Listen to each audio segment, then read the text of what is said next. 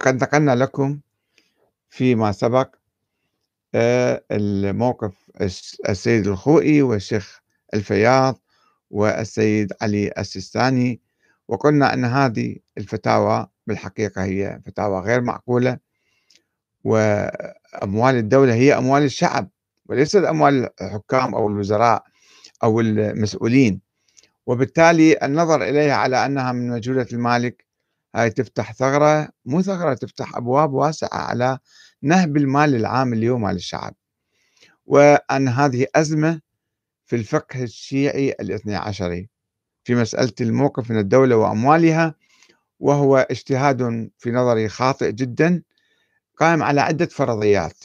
فرضية أنه هذا الشخص الذي يدعي الاجتهاد هو مجتهد أولا. مو معلوم هو مجتهد لو مو مجتهد. قد يكون مقلد في أصوله وفي أسسه وفي عقيدته. وإذا افترضنا أنه مجتهد هو يفترض أنه نائب الإمام المهدي. هاي فرضية وهمية. الإمام المهدي أيضا فرضية وهمية. هو ليس له وجود حتى أنت تدعي أنك نائب عن هذا الإمام. اللي لا مولود ولا حي ولا موجود.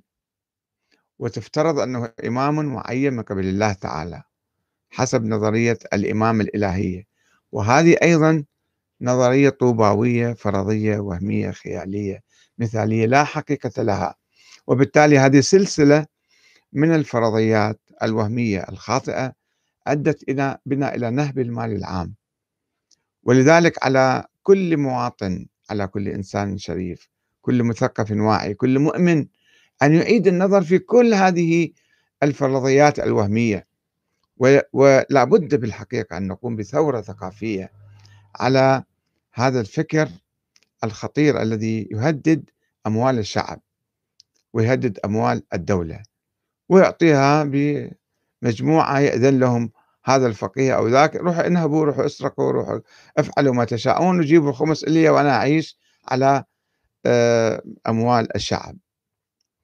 نسأل الله أن يوفقنا للقيام بهذه الثورة الضرورية الثورة الثقافية الفكرية الفقهية حتى ينجينا من عذاب الدنيا والآخرة. والسلام عليكم ورحمة الله وبركاته.